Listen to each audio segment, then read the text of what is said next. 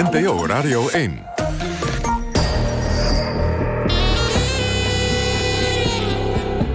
Argos.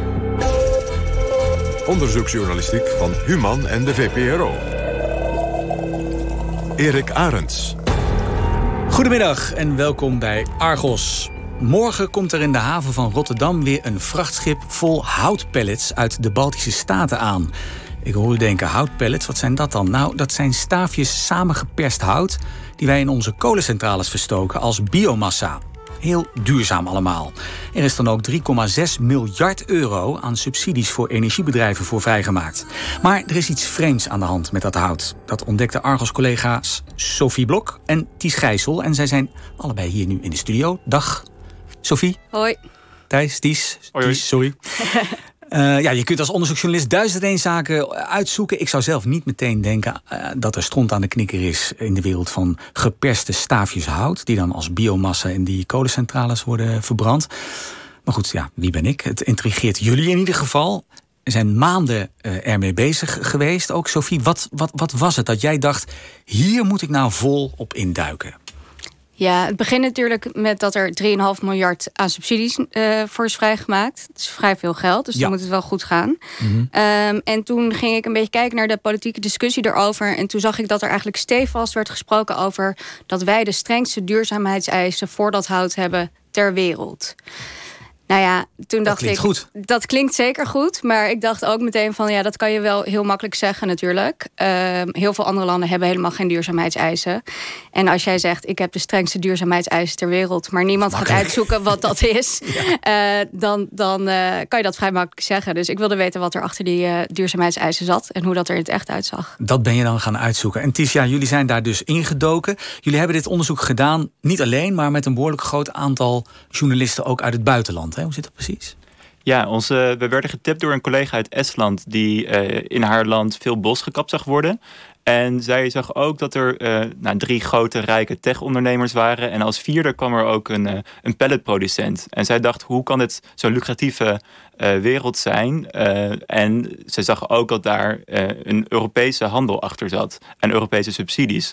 Dus ze wilde niet alleen in Estland een verhaal maken... maar juist ook met andere Europese journalisten. Ze wilde weten waar het hout naartoe ging. Ja, waar het naartoe ging. En, en wat voor subsidies daar ook achter zaten. En toen heeft ze daar de samenwerking met ons opgezocht. Ja, want zij heeft jullie dus gebeld en gezegd: doe mee aan, aan dit internationale onderzoek? Ja, ja, zij heeft verschillende Europese collega's heeft dit onderwerp mee besproken. En toen zijn we eerst gaan kijken in welke landen speelt dit nou echt. En in Nederland bleek het echt zo te zijn.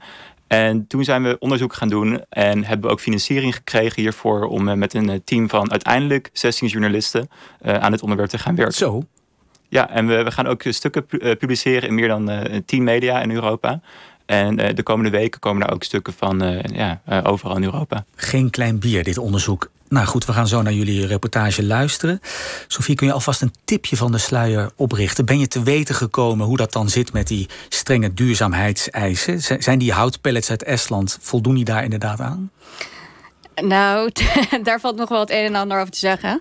Wat ik in ieder geval heb gezien is dat, er, dat het echt een heikel onderwerp is. Waar best wel veel uh, over wordt geschreeuwd. Uh, voorstanders zeggen het een, tegenstanders zijn daar fel tegenover. Hmm. En um, ja, of je het echt duurzaam kan noemen, daar ben ik wel achter gekomen. Maar, maar dat gaan we nu mensen horen. zelf uh, gaan bepalen of ze dat vinden. Hartstikke goed, dat lijkt me een heel goed plan. Laten we gewoon gaan luisteren. Hoe duurzaam is het brandhout dat als duurzame biomassa in onze kolencentrales verdwijnt? Een reportage van Sophie Blok dus en Ties Gijzel.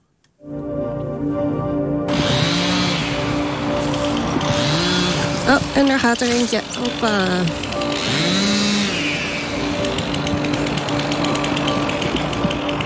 Die is eigenlijk zo gepiept. Binnen een minuut is die hele boom om. Die gaan dus direct naar de pelletfabriek, want het hout is te zacht. Dus het is niet interessant voor de meubelmakerijen.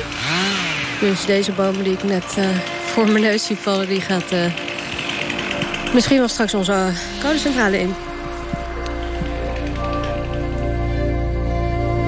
Estland, november 2020.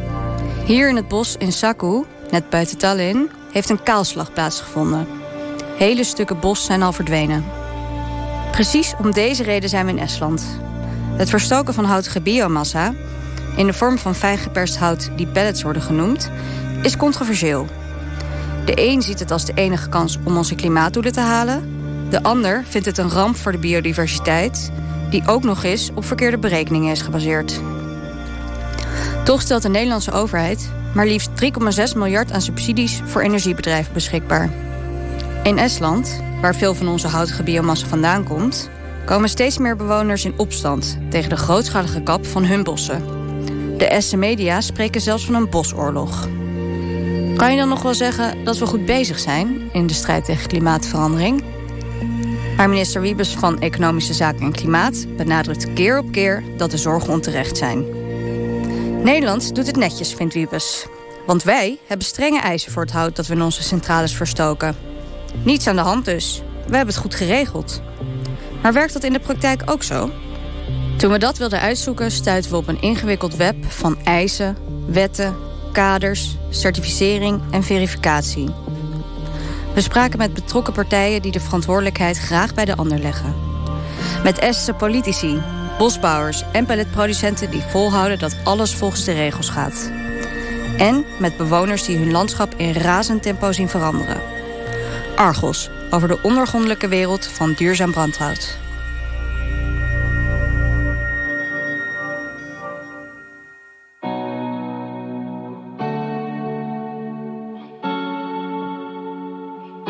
Dit verhaal begint in 2013.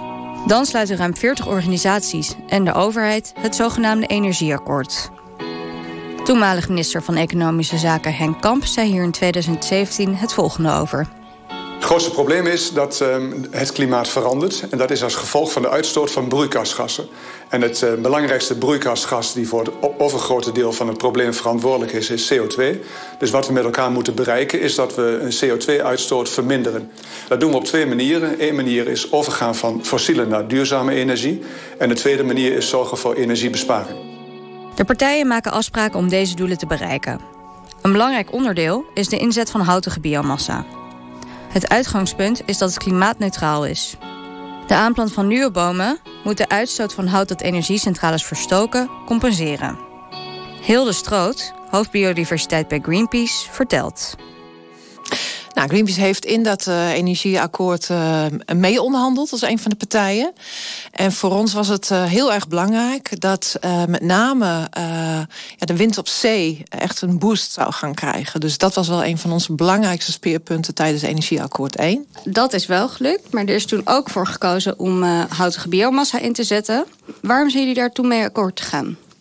Ja, je moet dat heel erg zien in de context van toen. Biomassa was toen de tijd echt een halleluja-verhaal. De overheid die wilde daar echt grootschalig op gaan inzetten.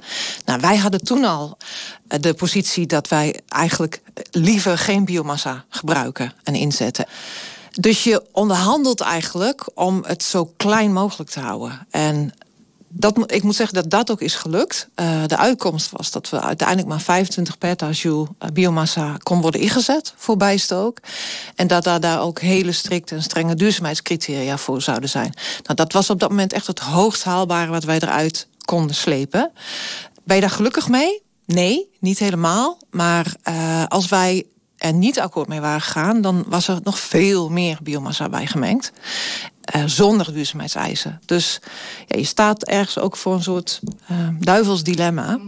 Ja, en wij zijn toen binnengebleven, omdat we ook dachten, daarmee kunnen we die duurzaamheid ook echt gaan garanderen. Ja, welke voorwaarden hebben jullie toen daar aangesteld? Nou, heel, heel, heel logisch. Kijk, het moet natuurlijk voldoen aan dat het ook echt bijdraagt aan klimaat. Dus je wilt die CO2-balans goed hebben.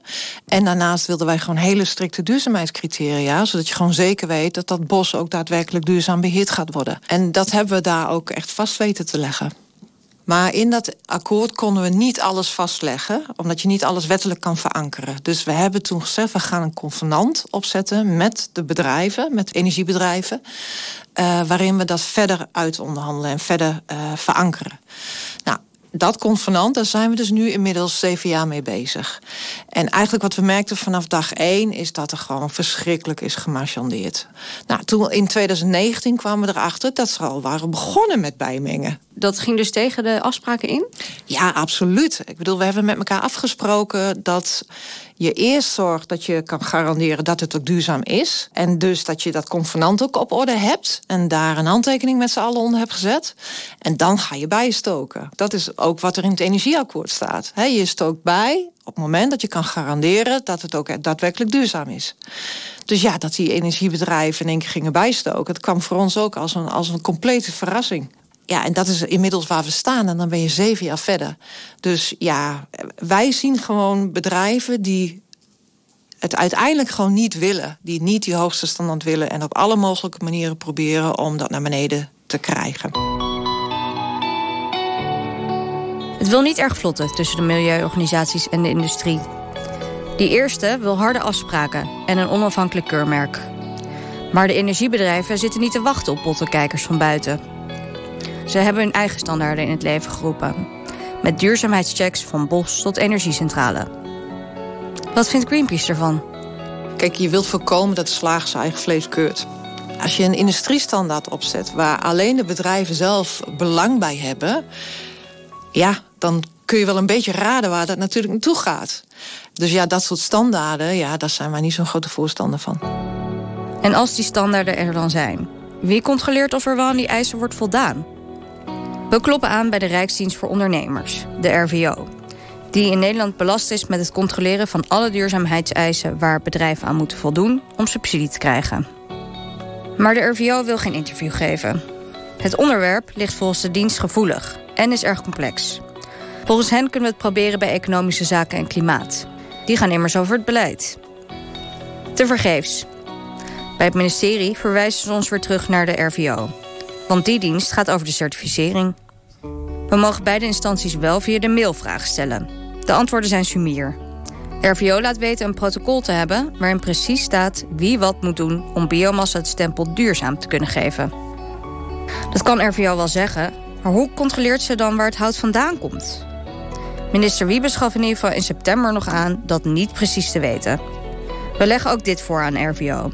Die laat weten dat het land van herkomst per levering wordt vermeld. Verder mailen ze. Informatie op een kleiner niveau is in de keten niet standaard beschikbaar. Dit heeft te maken met wereldhandelsregels, waarin marktpartijen recht op geheimhouding van dit soort informatie hebben in verband met concurrentie. Bij vermoedens van misstanden is door controlerende instanties in private systemen wel terug te herleiden uit welk bos de biomassa komt. RVO geeft ook aan dat ze zelf geen controles in de bossen doen.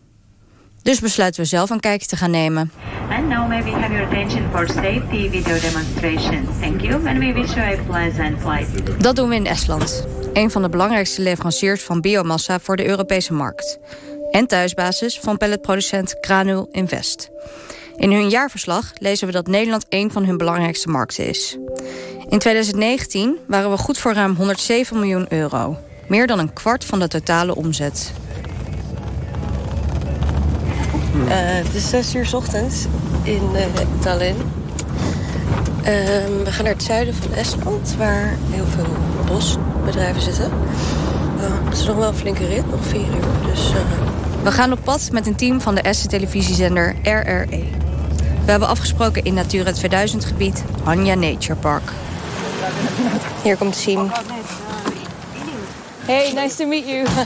and this are my colleagues Lies, uh, forest expert, Marie-Lies is communication, and Indrek is a... We first go to a, a logging site to, to talk about uh, nature values that have been lost or. Onze gids voor vandaag is Sim Kuresso. Hij werkt voor het Estonian Fund for Nature. Deze milieuorganisatie zet zich in voor het behoud van bossen en biodiversiteit. Siem en zijn collega's laten ons vandaag de kapgebieden zien. Siem legt het plan voor vandaag uit. We gaan eerst naar een bos dat in handen is van Valgapool... een dochteronderneming van pelletgigant Granul Invest. Sinds zij in 2016 land in dit Natura 2000-gebied kochten... is er 112 hectare aan bos gekapt. Dat zijn 160 voetbalvelden. We lopen nu met z'n allen door het bos. Bos zeg ik. Het is eigenlijk veel heuvels die helemaal kaal gekapt zijn. The whole uh, property is about 14 hectares. And uh, It's Grano Invest's uh, property? So this is all Grano Invest. yeah, and it has been like clear cut in very short period. Terwijl we ons een weg door de modder waden, legt Siem uit dat dit gebied in korte tijd kaal gekapt is. Bij kaalkap hak je met machines heel snel een stuk bos om. De meest efficiënte manier om hout te oogsten. Maar het is ook controversieel. Een deel van dit hout wordt gebruikt voor biomassa. En daarvan was nu juist de afspraak dat het om resthout zou gaan. Afval bij bijvoorbeeld productie van bouwmateriaal. Maar dat gebeurt hier dus niet. Grano Invest geeft in hun duurzaamheidsverslag aan... dat 84% van het hout waarmee ze pellets maken... van kaalkap afkomstig is. Van hele bomen dus. Maar is dit hele bos dan de pelletmolen ingegaan? Vermoedelijk niet, zegt Siem. I wouldn't find it surprising to find out they uh, they sell good quality wood to other companies because it makes More money. mon- more money. So Yeah, yeah. it's natural. I think these trees are low quality, like lime tree. There is no industry that would actually be very interested in it. Al het hout dat geschikt is voor de industrie... bijvoorbeeld voor meubels of planken, gaat daar naartoe. Dat levert meer geld op. Maar er zijn ook bomen waar deze industrie niets aan heeft. Zoals lindes. Die gaan naar de pellets. Hetzelfde geldt, tot onze verbazing... voor bomen met een te dikke diameter. Big diameter actually goes to bioenergy as well because the sawmills uh, don't operate with big diameters. Te dikke stammen passen niet in de zaagmachines. Ook die gaan dus naar de pelletmolen. Het resthout waar minister Wiebes stevast naar verwijst... blijkt dus voornamelijk een economische term. Het gaat om bomen die niet genoeg geld opleveren voor de houtindustrie. En dus niet om takjes en restafval. En daarmee was nou juist CO2-winst te behalen. Hier zijn bomen gekapt waarvan een flink deel verwerkt is tot biomassa. Bomen die hier al 70 jaar stonden. Yeah, this stand here was roughly 70 years. so- 70 years old? Yeah, and to recover this carbon, it would take another 70 years probably. Oké. A little bit depending on, on conditions and so on. Die bomen hebben dus 70 jaar lang CO2 opgeslagen. Om dat te kunnen compenseren heb je een nieuwe boom nodig... die 70 jaar moet groeien. En die tijd hebben we niet. Klimaatverandering gebeurt nu, zegt Siem. Het is vooral vreemd als je bedenkt dat we hier in een Natura 2000 gebied zijn. Siem legt uit wat de gevolgen zijn voor Hanja Nature Park. The forest ecosystems, uh, it's quite often the, the very small, uh, nearly invisible uh, biodiversity that actually is important. Bosecosystemen zijn gevoelig. En het zijn vaak de kleine, bijna onzichtbare onderdelen zoals de bodem die het belangrijk maken. Bomenkap is niet verboden in beschermde gebieden als deze. Maar als bedrijven zo intensief kappen als we hier zien, betekent die beschermde status niet veel meer. The aim of this new Natura area then was, among others, to protect the forest habitat. But the, also the law requires you can't start a new clear cut until the surrounding uh, plots are, are recovered. And over here, this means that this area over here, this is considered already as uh, newly forested. Can't call this a forest yet. Kaalkappen mag volgens de wet in Estland. Ook in het beschermde gebied waar we nu staan. Eigenaren mogen per keer 1 hectare kappen.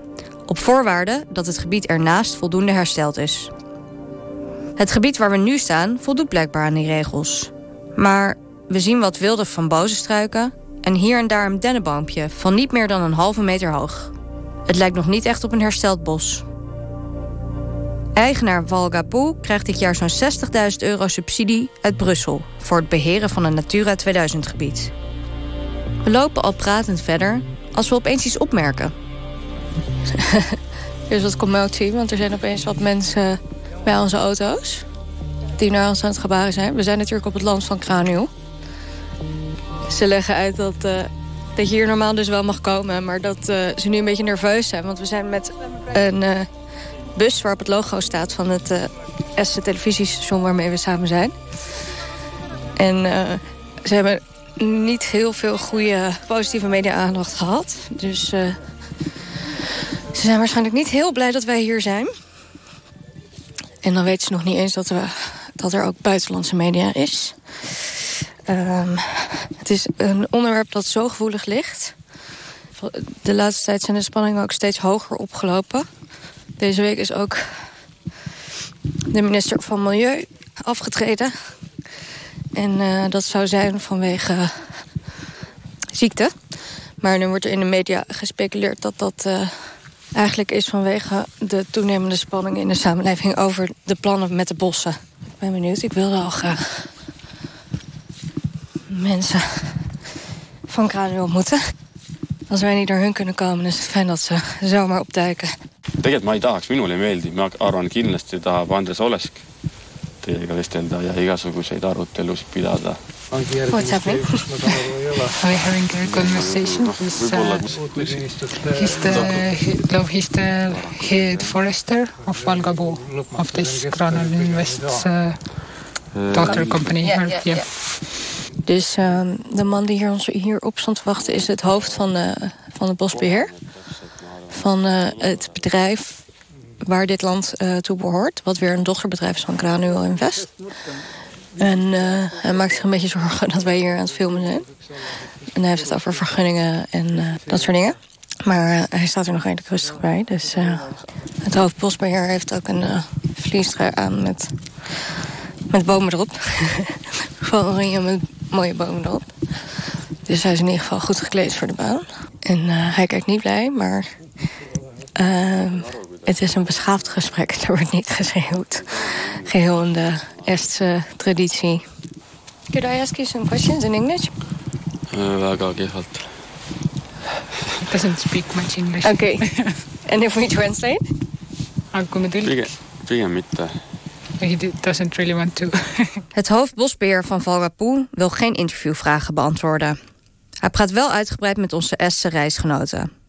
En onthult tijdens dat gesprek dat er wel wat fouten zijn gemaakt bij de kap in dit gebied. It was interesting that he, he uh, actually told or admitted like that uh, cutting uh, in a row like one area is grown so little and you cut again that uh, maybe it's not so good. there is a wetland they've yeah. plowed. I think it's for for your documentation of things. It's quite important to get this documented as well. Because de bosmanager geeft toe dat er gekapt is terwijl het omringende bos nog niet voldoende hersteld was. Zoals wij ook al zagen. Dat gaat tegen de wet in. Ook is er door een stuk moeras heen geploegd. Dat lijkt misschien onschuldig, maar kan grote gevolgen hebben. Als moerassen opdrogen, komt namelijk een behoorlijke hoeveelheid CO2 vrij. Het is daarom ook verboden in Estland.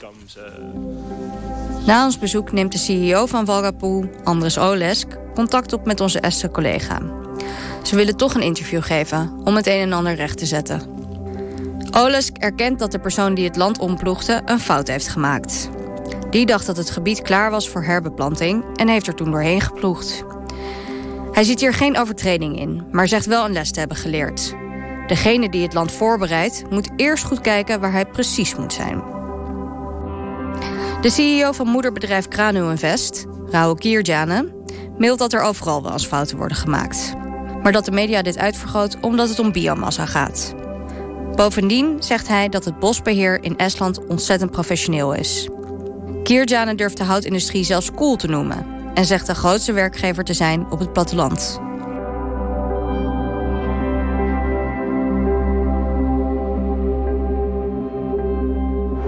Op een van de hoogste punten van Tallinn ligt het uh, parlementsgebouw. Je kijkt vanaf hier uit over de hele stad. Een park, de oude stad, de haven. Um, en hier zit de regering die vanaf dit punt uitkijkt over hun bevolking. En ik zou hier eigenlijk een uh, interview hebben met Marco Lamp van het ministerie van Milieu. Alleen die zit in quarantaine. Dus we hebben het uh, interview alsnog moeten verplaatsen naar Skype. Vanuit het hotel spreken we met Marco Lamp, secretaris-generaal bij het Estse ministerie van Milieu. Hoe kijkt de regering van Estland naar de zorgen over de pelletindustrie? Volgens de topambtenaar is zijn land echt niet meer gaan kappen om aan de biomassa-vraag te voldoen. The share of low quality timber in Estonian forest has always been quite high. Yeah. And this is due to the fact that uh, in Soviet times, basically half of the forest was left unmanaged. Het is de schuld van de Russen, zegt Lamp. Die hebben tijdens de Sovjet-tijd de bossen verwaarloosd. Die lage kwaliteit bomen werden altijd al als brandhout gebruikt of gingen naar de papierindustrie. Nu blijken ze dus ook geschikt materiaal voor de pelletmarkt. Grano Invest bevestigt dat meer dan de helft van het hout dat ze voor pellets gebruiken van hele bomen komt, die niet voldoen aan de eisen van de zagerijen en houtindustrie. In hun jaarverslag lezen we dat alles met een kronkel of beschadiging in aanmerking komt voor de pelletmolen. Hele bomen, dat klinkt toch anders dan de woorden van Wiebes, die het heeft over de onvermijdelijke reststromen van reguliere productie van hout. Hoe zit dat? We vragen het Gert-Jan Nabuurs, hoogleraar Europese bossen aan de Universiteit Wageningen. In de, in de Baltische staat ligt de nadruk al van oudsher iets meer op productie voor zaaghout en papierhout. Waarbij de betere kwaliteit stammen naar de zagerijen gaan en de slechtere kwaliteiten en de dunnere stammen die gingen van oudsher naar de papierindustrie. Maar die papierindustrie is in sommige gebieden eh, deels uh, wat weggezakt. En daar zie je inderdaad dat die pelletindustrie is opgekomen. En de, de dunnere stammen en de slechtere kwaliteit, die gaan dan inderdaad naar de pelletindustrie. Ja, wat maakt iets een lage kwaliteit? Het lijkt me een heel economische term. Dat klopt, dat is een economische term. En natuurlijk, bomen zijn bomen en, en zijn allemaal uh, waardevol. Zijn ook vanuit ecologisch uh, punt natuurlijk allemaal uh, waardevol. Vanuit een economisch oogpunt zit daar een groot verschil tussen. Een rechtere stam en een stam waar heel weinig zijtakken aan zitten... die wordt door de zagerijen zeer gewaardeerd. En daar wordt dus een hogere prijs voor betaald. Toch blijft het vreemd dat er in beschermde gebieden volop bomen worden gekapt. Mensen zien misschien Natura 2000 te snel als, alsof het een strikt reservaat is. En dat, Mhm. dat is het niet. Dat is het ook nooit geweest vanaf het eh, begin. Dat zijn gebieden waar je toch wel extra maatregelen neemt gericht op, op natuurbescherming. Eh, dat kan zijn gericht op, op bepaalde soorten die daar voorkomen. Eh, maar het is zeker geen, geen strikt reservaat. Europa heeft maar minder dan 1 of 2 procent van het bos wat echt een strikt reservaat is. Houtkappen in Natura 2000 gebieden mag dus. Maar hoe zorgt de S-overheid dat dit op verantwoorde wijze gebeurt? Topambtenaar Marco Lamp. The logging in uh, Natura 2000 sites uh, is strictly regulated by uh, Nature Conservation Act. Het kappen in Natura 2000 gebied is strikt geregeld via de Nature Conservation Act. En elke plek heeft zijn eigen regels die voorschrijven welke werkzaamheden er wel en niet mogen. 25% van onze bossen zijn beschermd, waarvan 14% strikt. Daar mag niets gedaan worden. Maar bij de overige 11% mag er wel wat uitgevoerd worden, zolang het ecosysteem maar niet wordt verstoord. Elke bosbezitter moet toestemming krijgen van onze Milieuraad. Die kijken of eventuele werkzaamheden het hele gebied aan kunnen tasten. De regels hiervoor zijn veel strenger in beschermde gebieden. Werkzaamheden op industriële schaal zijn nooit de bedoeling in beschermde gebieden, zegt Lamp. Betekent dat ook dat het nooit gebeurt? it's not regulated that you can only use the wood for Mhm. yourself. We hebben hier geen specifieke regels voor. Wel is het zo dat er maar één hectare per keer mag worden gekapt. Net als Wiebes zegt topambtenaar Marco Lamp dat alles volgens de regels gaat. Regels of niet, als we zelf aan het rekenen slaan met data uit onafhankelijke internationale bronnen, komen we erachter dat de afname van het bosoppervlak in Estland is verdubbeld tussen 2014 en 2019. In Natura 2000 gebieden was die afname zelfs drie keer zo groot. Het bos verdwijnt. En daar zijn de burgers van Estland niet blij mee. We bezoeken Saku, een gemeente net buiten Tallinn... waar bewoners protesteren tegen bomenkap door een staatsbedrijf. Hello, hello. Hi, nice to meet you. Sophie, Sophie Vlogs.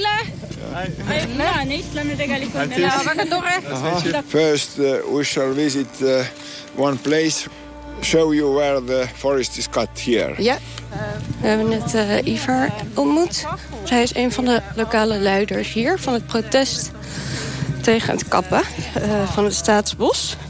Goed gekleed, mooi grijs haar, getinte bril, lange trenchcoat en uh, collega is helemaal aan het zwart. En ze gaan ons nu meenemen naar een van de plekken waar dus is gekapt. Uh, hier zien we het bord. The map uh, information that uh, cuttings uh, are on progress. this means that full cut. And this? And this is we are here. Oh, okay. we are here. The forest in the cities and in municipality centers and in the big villages should belong to the people instead of state. State is state organization. It's not the state. Estonia. State organization, they are profit-oriented organization. Dit is dus van de staat en dat bedrijf is een van de grootste economische sectoren in, uh, in Estland. Een hele belangrijke inkomstenbron. Uh, yeah, they continue to cut. We, we organized the protest uh, event, picket. We had. Uh, There are not so many natural forest anymore. It, it seems that every year more and more yeah. uh, state uh, forest organizations are cutting. Ule vertelt dat er nauwelijks nog natuurlijk bos is in Estland. We wandelen verder als Ivar een krantenartikel tevoorschijn tovert. You know uh, where do they sell this? And this is uh, for making, uh, call it granule. And there is second biggest export goes to Netherlands. Third biggest. They come from this forest. They are coming. Yes, yes, yes. They call it uh, sustainable development and uh, renewable energy. But actually, this is not renewable because renewable uh, after 70 or 100 years. And there are some uh, European Union subsidies even for this renewable energy. But uh, we are suffering here. Ivar blijkt goed op de hoogte. Zonder dat we er naar vragen, vertelt hij ons dat Nederland de op één na grootste importeur van pellets uit Estland is. In Nederland verstoken we zijn bos en subsidiëren het onder de noemer van duurzaamheid. Ik ga nu even oversteken. Ze hebben dus uh, op 10 oktober hebben ze geprotesteerd met uh, 70 mensen. En ze zeggen ook dat ze wel zien dat uh, steeds meer mensen er ja, genoeg van hebben. En dat iedereen het land zo erg ziet veranderen dat dat het protest gewoon groeit. Alleen dat um, de overheid toch meer aan de kant staat van de industrie. So, um, and did anything happen after you picket? Uh, yes, uh, we have saved uh, something uh, 300, 400 uh, trees. Oh, really? De actie was succesvol, zeggen Ivar en Ule. Ze wisten 3 tot 400 bomen te redden. En daar zijn ze blij mee, want het gaat volgens hen om zeldzame exemplaren. Red, red, trees, yeah. Red trees and more these than are very 100 rare years. in Estonia. Yes. And there are not... and especially these big ones uh, and very old ones. And do they replant it? No, no, uh, no. They don't have value for making furniture mm. and, uh, and they are only for chips. Zeldzaam of niet, ook deze bomen gaan naar de pelletmolen. We praten verder als er opeens een man aankomt lopen. ei ole mingeid muid probleeme, aga et meil on siin Euroopa projekt on, kes tahab siis Eesti sellest metsasest teha. Nagu väga märgiti, et me märkisime siin ära, et nii see on, jah. Ik denk dat het iemand is van het uh, ja, ja mis siis... Op alle plekken waar we komen wordt, uh, staat binnen de kortste keren een boseigenaar of bosmanager uh, voor de, op de stoep. Dus uh, de communicatie gaat snel. no sellepärast lükkab, et ei ole lage on. no selline Euroopa projekt on. Et he says that this always, all goes, all goes... Lähe. This is all for pellets. Ja, ja, ja pellets. Jaoks? Hij gaat nu een van de bomen kappen. Het zijn niet alleen Ule en Ivar die protesteren. Het gebeurt overal in Estland. Mensen spreken zelfs van een heuse bosoorlog. De overheid ziet ook hoe de spanning onder de bevolking groeit. Obviously, I mean. Um, Milieuambtenaar Marco Lamp. It was one of the goals for us as well, uh, obviously, to uh, involve uh, as much of our citizens as possible. Natuurlijk zie ik ook dat er onrust is onder de bevolking. Het was een van onze doelen om zoveel mogelijk mensen te betrekken bij onze bosplannen.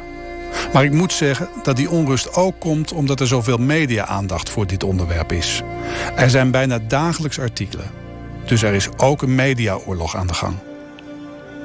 Ik heb de beschuldigingen dat het ministerie van Milieu te veel aan de kant van de bosindustrie staat ook gehoord. Maar er is weinig bewijs voor die beschuldigingen. Natuurlijk moeten wij alle belangen meenemen. De bosindustrie is duidelijk een deel van de oplossing.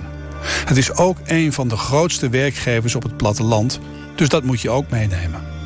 Duurzaam bosbeheer gaat niet alleen over het milieu. We moeten ook kijken naar de sociale en economische doelen die het bos dient. De houtindustrie is belangrijk in Estland. Het levert veel geld en banen op. Maar is dat niet veel korte termijn denken? In 2019 werd er 12,7 miljoen kubieke meter aan Esbos gekapt. Wil je de CO2-balans behouden, dan mag je per jaar maximaal zo'n 8 miljoen kubieke meter kappen, stellen milieuwetenschappers. We leggen het voor aan hoogleraar Gert-Jan Nabuurs. Die Estland zit inderdaad vrij hoog in zijn oogstniveau. Uh, nou ja, dat is, dat is inderdaad, uh, je raakt daaraan van, nou ja, kan het nog hoger? En uh, nou, de Esten zitten denk ik wel zo'n beetje aan, aan hun max. Dus die moeten ook juist gaan, gaan investeren in, in bosbeheer. Misschien is er wel wat extra bosaanleg. en inderdaad ook kijken van, kan dit wel? Of moeten we naar die hele druk die er op het bos ligt, moeten we daar is goed naar dat hele pakket kijken en, en kijken waar dat minder moet. Inmiddels zijn we er wel achter. Het hout dat we uit Estland importeren is niet per se duurzaam. Toch gaan we door. Het leidt tot vragen bij Nederlandse Kamerleden. In mei van dit jaar vroegen Van Raan en Wassenberg van de Partij voor de Dieren aan minister Wiebes hoe dat kan. De bewindsman antwoordde dat wat er in Estland gebeurt vooral een taak van de Estse overheid is. Voor mij is het primair van belang dat houtpellets die worden geleverd aan Nederlandse bedrijven voldoen aan de Nederlandse duurzaamheidseisen. De houtpellets die in Nederland worden ingezet hebben een onafhankelijke verklaring van een accreditatieorganisatie, waaruit blijkt dat voldaan wordt aan deze duurzaamheidseisen, waaronder nationale en internationale wetgeving. Waar hebben we dat eerder gehoord? Op papier lijkt alles te kloppen. Wij volgen de regels, maar wat er daadwerkelijk in de bossen van Estland gebeurt, lijkt er niet toe te doen. Daar ziet de lokale bevolking hoe hun bossen veranderen in een schaakbord, waar steeds meer vlakken wit kleuren.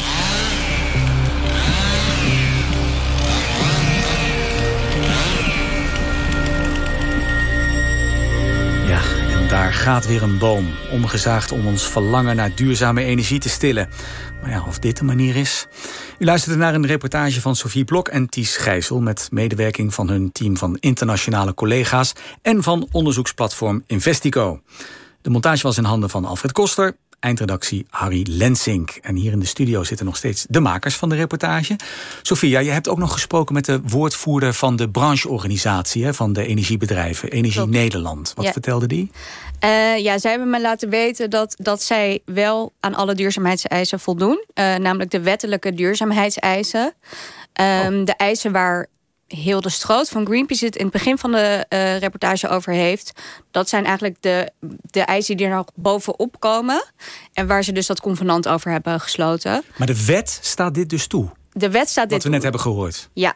Maar dat is toch heel. Want ik, ik hoor juist in de reportage dat er gezonde bomen worden gekapt voor die biomassa. Ja. Dat mag dus. Ja, dat mag dus. Daarom is het dus belangrijk om je af te vragen van wat, is dat, wat zijn die duurzaamheidseisen? Wat mag er wel niet? Nou ja, wat wij hebben gezien is dat er gewoon bepaalde soorten, hele bomen.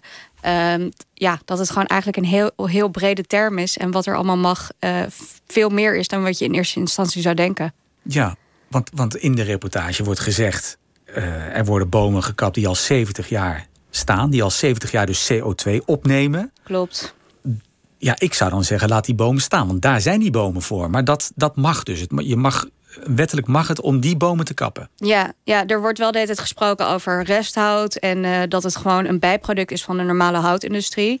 Ehm, dat zou op zich best kunnen. Ehm, maar wat die houtindustrie doet, is gewoon met gigantische machines dat hele bos omploegen. Ehm, ja, of dat vanuit een eh, CO2-oogpunt heel slim is, ja, durf ik aan te twijfelen. Ja. Ja. maar het mag, ja. Jullie reportage ging, ging dus vooral over de kap van bomen. Maar goed, daarnaast gaat er natuurlijk wel degelijk ook echt uh, resthout, afvalhout die ovens in, hè? of niet? Klopt, ja. Uh, dus wat we zagen in, de in, een, in een paar rapport is dat um, ehm, 60% van alle biomassa, houtige biomassa die we gebruiken, is wel daadwerkelijk afval. Ah, dat is een meerderheid. Ja, uh, okay. Dat is 500.000 ton. Uh, maar wij vroegen ons af, ja, waar komt het dan vandaan? Uit welk bos? Want het wordt wel geïmporteerd.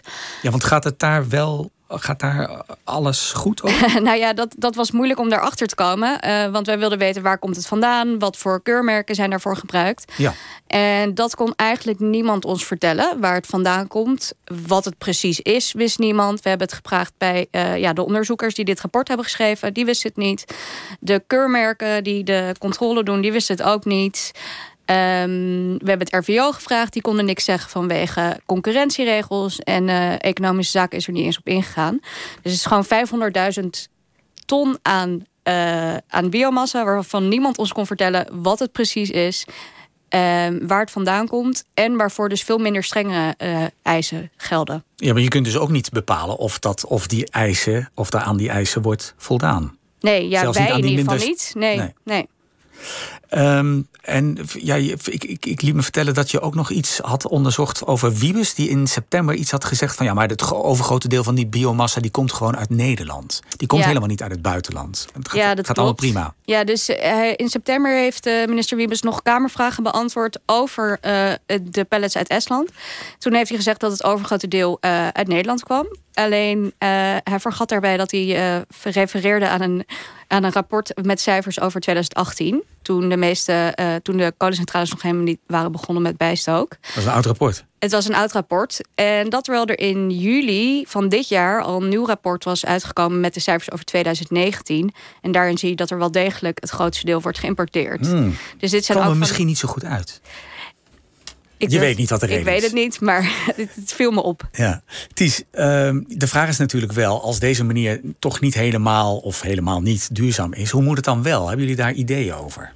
Inmiddels. Daar is niet één uh, eenduidig antwoord op te geven. Uh, het is, uh, er, er, is, er zijn verschillende alternatieven waar je wel op zou kunnen inzetten. En vooral een combinatie misschien elkaar zouden kunnen versterken en een alternatief zouden kunnen vormen. Het gaat natuurlijk om vrij veel subsidiegeld ook. Dus de, de, de vraag überhaupt van hoe had het subsidiegeld nog anders ingezet kunnen worden, is ook erg relevant. Ja.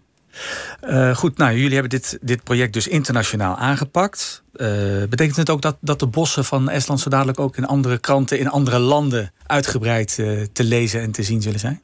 Het was erg leuk om te zien hoe in verschillende landen dit onderwerp uh, op een andere manier leeft. Mm. Uh, we zagen dat in België ze al bijna zijn gestopt uh, met het gebruik van biomassa. In Denemarken is het net als in Nederland een erg verhit debat. Um, en in Portugal en Spanje uh, groeien ze vooral uh, eucalyptusbomen. En daar hebben ze ook last van bosbranden. En is het weer een hele andere problematiek. En door juist uh, Europees samen te werken en al die verhalen als puzzelstukjes samen te leggen, kreeg je een veel completer overzicht. Ja, interessant. Goed, nou heel veel dank voor jullie reportage en jullie onderzoek. Blijf het volgen. Ja. Heel veel dank. Sophie Blok en Ties Gijssel waren dat van Argos. En er is deze week ook een rapport uitgekomen over de ecologische effecten van boskap in Estland. De Partij van de Dieren, Partij voor de Dieren moet ik zeggen, heeft daarop twee moties ingediend. De partij wil een stop op de import van hout uit Estland en Letland. En ze wil ook dat er geen nieuwe subsidies voor houtige biomassa worden gegeven. Abonneer u op de nieuwsbrief via vpro.nl/argos. Ja, en dan